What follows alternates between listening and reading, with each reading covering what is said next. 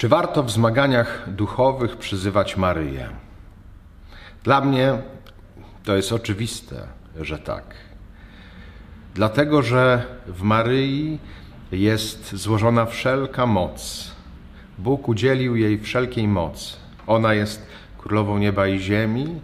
Ona jest tą, która miażdży łeb węża, czyli pokonuje zło.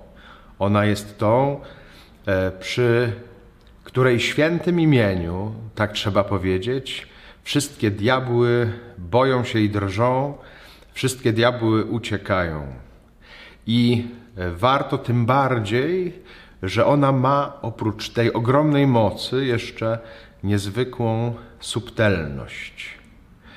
Także będzie się troszczyć jak matka, żeby nikomu nic złego się nie stało, ale jednocześnie z całą konsekwencją i z całą siłą, mocą królowej wszechświata. Dlatego, krótko mówiąc, zawsze przyzywaj Maryi, ponieważ jej obecność będzie cię chronić i dzięki jej obecności będziesz łatwiej zwyciężał.